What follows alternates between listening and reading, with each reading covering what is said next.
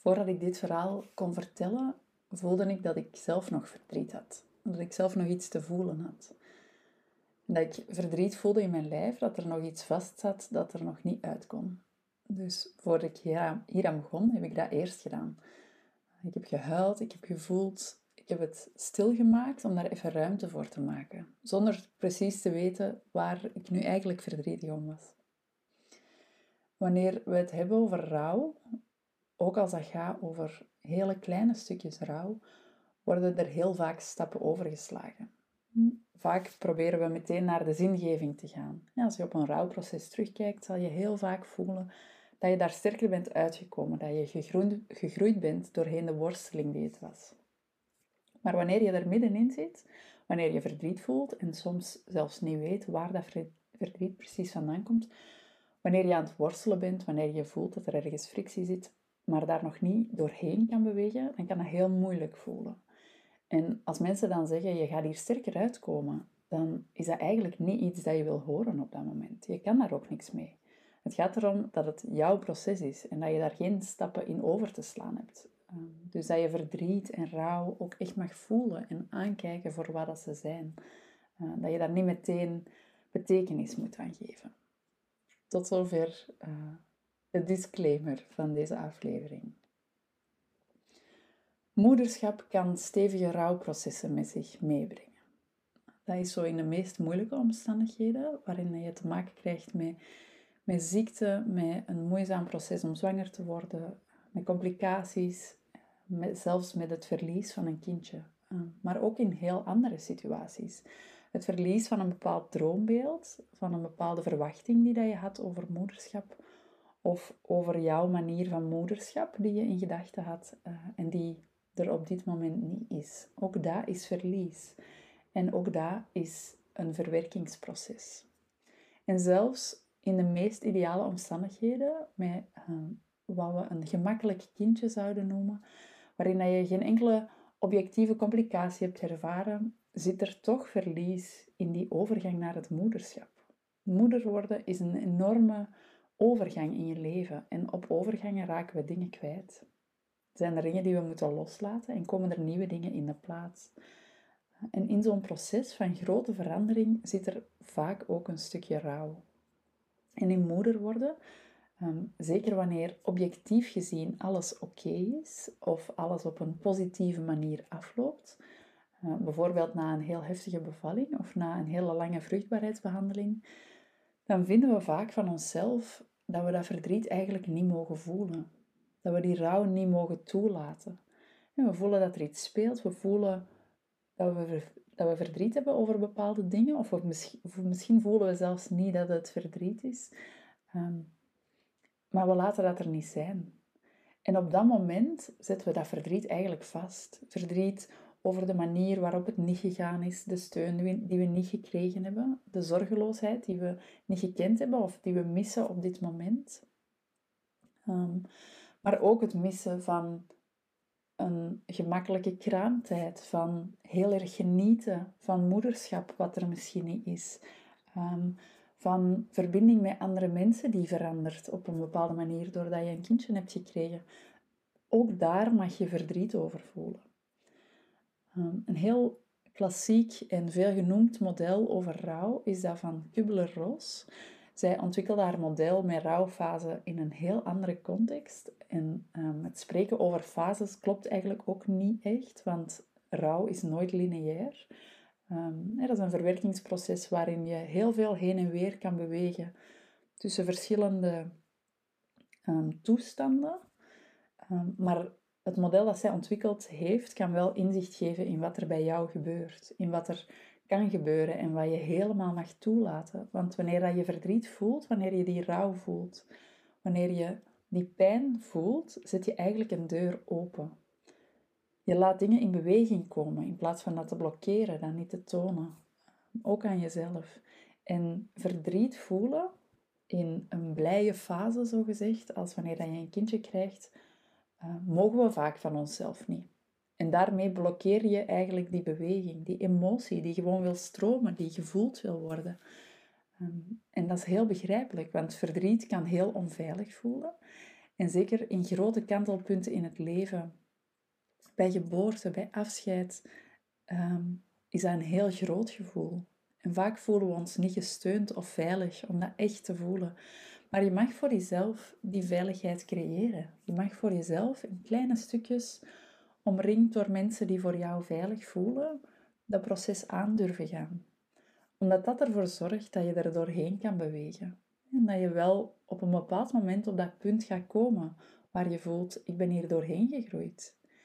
En de pijn is dan niet noodzakelijk weg. Verdriet mag er nog altijd zijn. Ehm, maar je hebt het een plaats kunnen geven op dat moment. Op het moment dat je voelt, ik heb het niet weggestopt. Ik heb er licht aan gegeven, ik heb er lucht aan gegeven. Ehm, en ik kan leven, ik kan verder leven met het verlies dat er heeft plaatsgevonden. Ehm, in het model van Kubler-Ross zit er in het begin, zo gezegd, van, van haar cyclus, zit er ontkenning. Ja, het gaat allemaal goed nu. Ik mag toch van geluk spreken. Ehm, ik mag niet klagen, want anderen hebben het veel zwaarder. Of ik durf mijn verdriet niet tonen, want het had allemaal veel erger gekund. Of ik durf mijn verdriet niet tonen, omdat andere mensen daar niet mee om kunnen gaan. Andere mensen gaan het moeilijk vinden om mijn verdriet te zien. Ehm, er zijn redelijk duidelijke lijnen waar er verdriet mag zijn in onze maatschappij. En alles wat rond een kindje krijgen zit, lijkt daar eigenlijk niet echt bij te horen. Maar in moederschap zie ik heel vaak, eigenlijk overal, bij iedereen, dat er ook verdriet is. Dat verdriet er gewoon deel van uitmaakt, van die grote overgangsfase. Ehm, dat is een hele grote verandering. Dus er komen dingen bij, maar er zijn ook dingen verdwenen. En zolang dat je dat blijft ontkennen, zolang dat je jezelf voorspiegelt dat je niks verloren hebt, dat je niet mag klagen, dat je blij moet zijn, dat het gemakkelijk moet gaan, dan laat je jezelf eigenlijk niet toe om in die golf mee te gaan, om daarmee mee te stromen. In tweede instantie zien we boosheid, frustratie. Dat is een fase of een toestand waarin we ons bijvoorbeeld ergeren aan de mensen die ons niet hebben gewaarschuwd. Waarom heeft niemand mij gezegd dat dit zou gebeuren? Dat ik mij eenzaam zou voelen? Dat het zo zwaar zou zijn? Dat ik zo moe zou zijn? Ehm, boos op de maatschappij die niet afgestemd is op wat wij nodig hebben. Of uh, een hele grote ergernis aan onze omgeving die niet begrijpt wat wij ons kindje eigenlijk willen geven. Ehm, frustratie over andere mama's waarbij het gemakkelijk lijkt te gaan. Of frustratie in je partner, omdat, die, omdat jij voelt dat die er anders in staat dan jij. Of dat je voelt dat je op een bepaalde manier even elkaars golflengte niet meer helemaal vindt.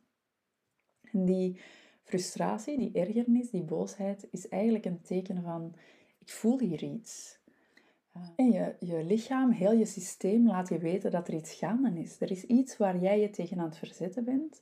En dat uitzicht als boosheid, als ergernis, als frustratie. Maar eigenlijk is dat gewoon een signaal. Je mag die boosheid voelen. Je mag die frustratie voelen en erken het ook als een teken dat er iets speelt. Dat er iets is wat gevoeld wil worden, waar je nog niet helemaal ruimte hebt voor kunnen maken. De frustratie is eigenlijk het dekentje dat over de angst en het verdriet ligt die daaronder zit. De volgende toestand of een situatie die je ook heel erg kan herkennen is onderhandelen. Um, onszelf overtuigen dat we het toch wel kunnen, al die rollen combineren. Dat we zelf niet heel erg veranderd zijn.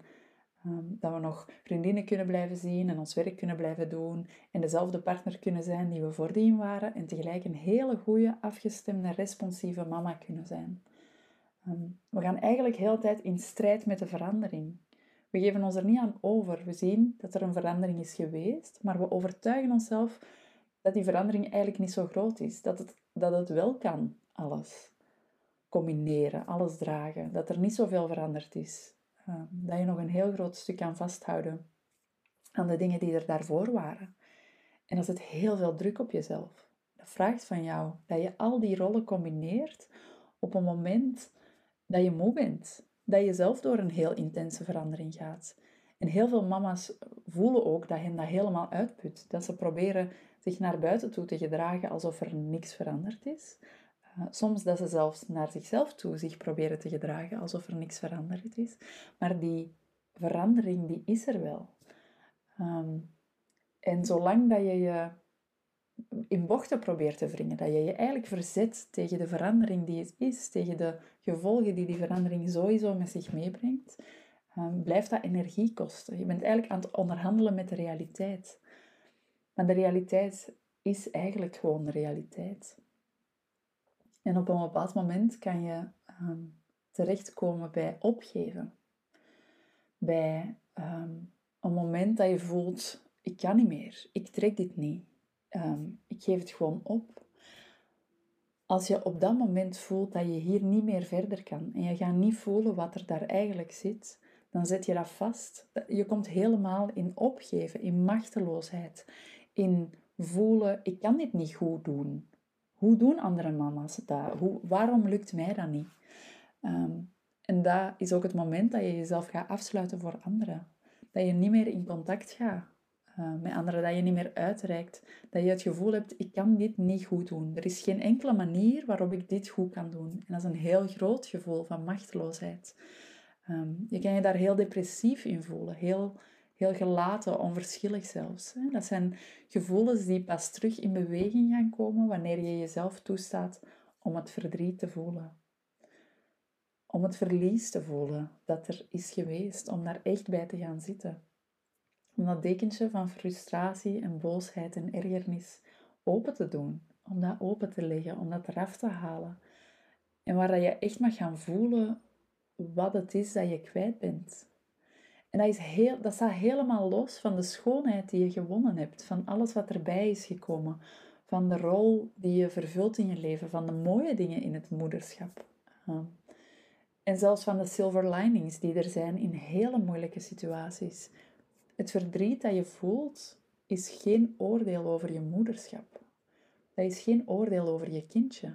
Dat doet niks af aan de liefde die je voelt, aan de toewijding die je hebt. Maar dat verdriet mag er ook zijn. Dat verdriet mogen voelen maakt een spanning los die jouw kindje ook voelt. En dat is een spanning die in jou blijft zitten, zolang die beweging er niet uit kan komen. En je hoeft niet te weten waar dat verdriet over gaat. Dat is iets waar je achteraf naar kan kijken, of zelfs helemaal niet. Maar waar heb ik nu verdriet over? Wat ben ik kwijtgeraakt? Mijn relaties met anderen zijn veranderd, mijn energie is veranderd. Wie, wie ik zelf ben, wat ik belangrijk vind in het leven, is een stukje veranderd. Mijn vrijheid is een heel stuk ingeperkt op dit moment. Um, situaties waar je van had gedroomd. Een gemakkelijke start voor je kindje op heel veel vlakken. Een makkelijke start voor je gezin die er niet is geweest misschien. Um, een fijne ondersteuning door je omgeving of door professionals die het beste met jou voor hebben. Als dat er niet is geweest, als dat iets is dat je gemist hebt, dat zijn allemaal dingen waarover je verdriet mag voelen. En wanneer je dat verdriet voelt, heel zuiver in je lichaam, zelfs wanneer je er nog geen woorden aan kan geven, dan gaat dat weer stromen. Dan, gaat die, dan komt die beweging weer op gang. En soms helpt het om dat te mogen doen bij iemand anders. Mogen huilen, mogen vertellen, mogen delen wat er in de weg zit, mogen delen wat er mist. Ehm, zonder oordeel of zonder opmerkingen dat je nu toch een kindje hebt. Of dat iedereen toch gezond is en alles is toch goed. En ehm, maar gewoon dat mogen voelen. Soms is dat ook alleen bij jezelf. Soms is dat met je kindje erbij. Je kindje heeft daar geen last van. Je kindje kan daar ook heel mooi op afstemmen. Niet op de spanning, maar op wat jij loslaat. Op wat er bij jou nog in de weg zit. Laat je kindje dat maar meemaken. Je hoeft dat niet te verstoppen. Ehm, en wanneer dat jij je daar kan, kan aan overgeven, in die energie van ik mag voelen wat ik te voelen heb is dat een manier van spanning loslaten die je kindje ook gaat spiegelen. Misschien heeft je kindje ook verdriet. Misschien zit er bij jouw kindje ook spanning die eruit komt, die, er, die nog wat vastzit. Maar laat jouw eigen voelen, jouw eigen verdriet, daardoor niet aan de kant zetten. Jij hoeft niet jouw verdriet weg te steken, zodat het verdriet van je kindje er kan zijn. Je kindje spiegelt ook de ruimte die jij daarvoor maakt. Mogen huilen, mogen voelen. Op het moment dat jij die spanning kan loslaten, weerspiegelt zich dat ook heel mooi in de relatie met jouw kindje. En wanneer dat jij gaat aankijken waar je verdriet over hebt, zal het ook veel gemakkelijker zijn om dat te aanvaarden. De dingen die je nu bent kwijtgeraakt, de dingen die er niet zijn geweest. Ehm, daar kan je boos om zijn. Je kan die proberen om te keren. Je kan die proberen te herdenken. Een, een soort andere mindset erin te brengen. Je kan boos zijn op anderen, je kan boos zijn op jezelf. Maar er zit zoveel kracht in een soort van vergeving van de realiteit. Vergeving van jezelf. Vergeving van wat er niet is gebeurd. Ehm, dat opent heel mooi de deur naar dat aanvaarden. Ehm, en dat is de, de laatste ehm, fase, de laatste toestand die Kubler-Ross heeft omschreven in een rouwproces. Um, en ik voeg er straks graag nog eentje toe, maar bij de aanvaarden verdwijnt de spanning. Er zit geen frictie meer op wat jij voelt. En dat wil niet zeggen dat je het fijn moet vinden hoe het gelopen is. Dat je het fijn moet vinden wat er is gebeurd of wat er niet is gebeurd. Maar dat maakt jouw energie terug vrij. Dat zorgt ervoor dat je dat niet vastzet in je lichaam. Dat zorgt ervoor dat je weer vanuit echt voelen in verbinding kan gaan met je kindje. Dat je veel meer afgestemd kan zijn op wat je kindje voelt. En wat die los te laten heeft aan spanning. En op het moment dat je dat kan voelen, dat die spanning verdwijnt, ga je ook voelen dat je aan het groeien bent. En dat is de fase die um, Kubler-Ross niet heeft beschreven, maar die wel heel belangrijk is, denk ik. Want dat is het moment dat je voelt dat je er voorbij aan bewegen bent. Dat je ook kan terugkijken. Ehm, dat er eigenlijk geen oordeel meer zit op dat verdriet. Dat je kan zien, dit is wat er is. Dit is waar ik nu sta, waar wij nu staan, waar wij mee leven. Uh, en ik mag verdriet hebben over wat er niet is. Het is niet dat je daar nooit meer opnieuw verdriet over mag hebben. Ehm, je mag verdriet hebben op, over wat er niet is, over wat er niet is geweest. En dat is een heel duidelijk signaal over wat dat jij belangrijk vindt. Over waar jij voor kiest, wat je jezelf toewenst. En blijf jezelf dat toewensen. je mag blijven staan voor wat je belangrijk vindt. Je kan voelen dat je niet ondersteund bent in een bepaalde manier van omgaan met je kindje. Je kan, voelen dat je niet gedragen bent uh, op een moment dat het voor jou moeilijk was. Maar dat is het signaal. Ga dat opzoeken. Ga die ondersteuning opzoeken. Um, het verdriet dat je daarover voelt is een heel sterk signaal. Dat dat is wat jij op dit moment nodig hebt. En veel mama's voelen op een bepaald, niet meer, op een bepaald moment niet meer wat ze nodig hebben. En dat verdriet, dat verdriet mag je voelen. Zelfs op een moment dat niet duidelijk is waar dat over gaat. Ehm, maar het is een signaal. Het wijst de richting naar waar... Um, het, het wijst richting naar wat jij belangrijk vindt. Hè? Waar dat je meer van, van mag vragen. Waar dat je meer van mag zoeken in jouw leven, in je moederschap. Um, en op die manier is rouw een proces. Nou, dat begint als een verwerkingsproces. Iets dat je te verteren hebt. Iets dat zwaar op je maag kan liggen. Ehm, maar dat ook pas weer verdwijnt wanneer er beweging in komt. En dan kan dat ook een groeiproces worden. En dan de beweging door een dal die je maakt, kan je op een hogere berg laten uitkomen dan waar je vertrokken bent. En dat is een beweging die in jouw systeem wil gemaakt worden. En dat, dat wordt getriggerd door een grote verandering. Die verandering is er wanneer je moeder bent, wanneer je moeder wil zijn, zelfs al, dan is dat een shift die dat verwerkingsproces aanzet. En wanneer dat situaties, grote situaties in je leven veranderen iets, zelfs wanneer die objectief gezien helemaal positief zijn, zetten die een beweging in gang die doorgemaakt wil worden in jouw systeem. En je kan die beweging blokkeren, je kan je daar tegen verzetten, uh, je kan ontkennen dat die verandering er is, maar die beweging, dat is waar jouw systeem om vraagt. Um, wanneer je dat ontkent, wanneer je dat blokkeert, zet je jezelf vast en dan hoopt spanning zich op. En die spanning weerspiegelt zich ook naar buiten toe. Naar je kindje, naar je partner, naar je omgeving, maar vooral in jezelf. En wanneer je die beweging aangaat, wanneer je durft te gaan voelen wat er gevoeld moet worden, ehm, wanneer je daar ruimte voor maakt, puur voor dat gevoel, voor die emotie, ehm, zoals we dat voor onze kindjes zo goed kunnen, om zonder oordeel daar ruimte voor te maken voor onszelf, voor de frustratie, de ergernis, de jaloezie op anderen misschien.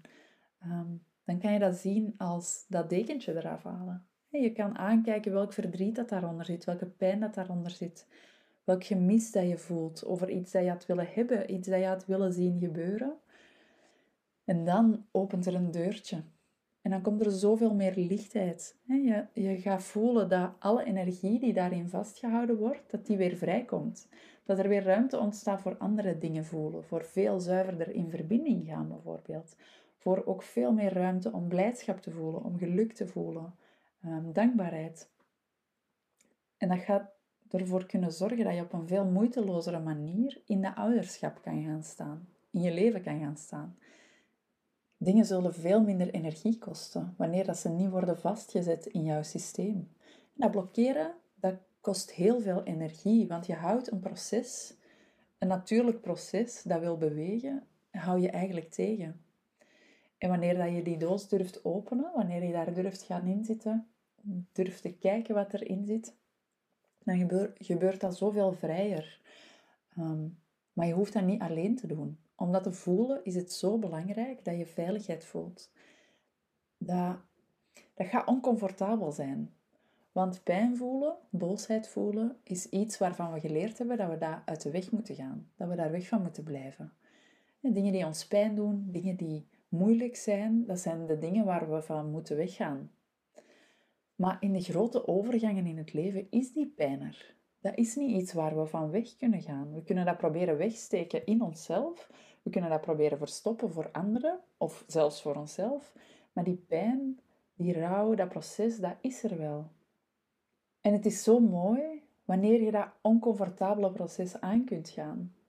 In een soort veiligheid van bij jezelf te mogen zijn. We willen heel responsief zijn naar onze kindjes. We willen hun emoties er laten zijn. En voor onszelf hebben we dat vertrouwen terug op te bouwen. Het vertrouwen dat die emotie een golfbeweging is, dat dat ook weer verdwijnt. Een vertrouwen dat dit een proces is, een verwerkingsproces, een verteringsproces. En dat je daardoor gaat geraken. Ehm, dat wanneer dat je durft om dat te voelen, dat dat ook weer weg gaat stromen. Maar je kan je daar ook in laten ondersteunen door anderen. Door andere mama's, door een vroedvrouw, door een therapeut, door een coach, door gelijk wie, bij wie dat jij je veilig voelt. Ehm, mensen uit je eigen omgeving, vriendinnen, je partner, je eigen moeder. Maar wat heel belangrijk is, mensen die voor jou veilig voelen om die emotie en dat proces te ondersteunen. Die zonder oordeel er voor jou kunnen zijn. Op de manier dat jij er zonder oordeel voor je kindje wil zijn. Voor je kindje wil je emoties ontvangen, wil je die spanning laten ontladen. Ehm, de behoefte die die heeft, wil je onvoorwaardelijk ontvangen en invullen. En in dit proces mag je je laten ondersteunen door iemand die dat ook voor jou kan zijn. Die jou kan ondersteunen in dat verwerkingsproces, die dat kan dragen, die daarmee de bedding voor kan zijn. Omdat dat voor jou die veilige context kan geven, kan creëren. Uh, omdat die pijn, om dat verdriet, om dat in de ogen te kijken, om dat te durven voelen. En om soms een laagje dieper te gaan, onder die frustratie, uh, die ergernis, en iemand die zonder oordeel luistert naar de boosheid die er nu in jou zit. Ehm, naar het gevoel van falen dat je misschien hebt, die meebeweegt door dat, door dat verdriet. En ehm, het is niet nodig om dat in ene keer te doen. Het is niet nodig om ehm, dat te verantwoorden. Omdat dat rouwproces deel is van moeder worden. In elke vorm. En er zoveel energie vrijkomt wanneer dat je die beweging kan maken. Wanneer je dat proces kan aanvatten, dat in veiligheid van, uh, bij jezelf of bij iemand anders dat aan kan gaan. Dus dat is wat ik jou toewens. Iemand die die bedding voor jou kan geven. Iemand die onvoorwaardelijk er voor jou is. Die niet in vraag stelt wat jij voelt of wat jij wil betekenen voor je kindje, maar die er helemaal voor jou is. En het zou kunnen dat je die veiligheid op dit moment niet voelt. Dat je niet direct aan iemand denkt waar dat bij zou kunnen. En dat je ook die veiligheid bij jezelf niet direct vindt. En in dat proces wil ik er heel graag ook voor jou zijn. Ehm, ik wil heel graag die bedding geven. Wanneer jij voelt dat je dat wil aangaan. dat je iemand nodig hebt die mee, die beweging maakt, die naast jou staat, die jou meedraagt daardoorheen. Um, in januari start er een nieuw groeitraject in groep, het nest voor pasgeboren moeders.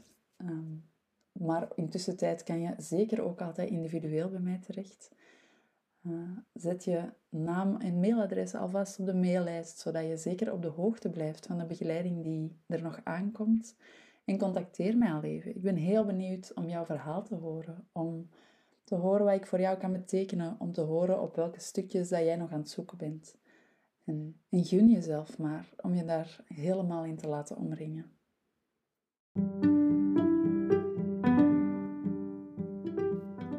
Hallo, ik ben Jolien, mama van drie kindjes en na zes jaar kan ik zeggen dat ik mezelf helemaal gevonden heb in het moederschap.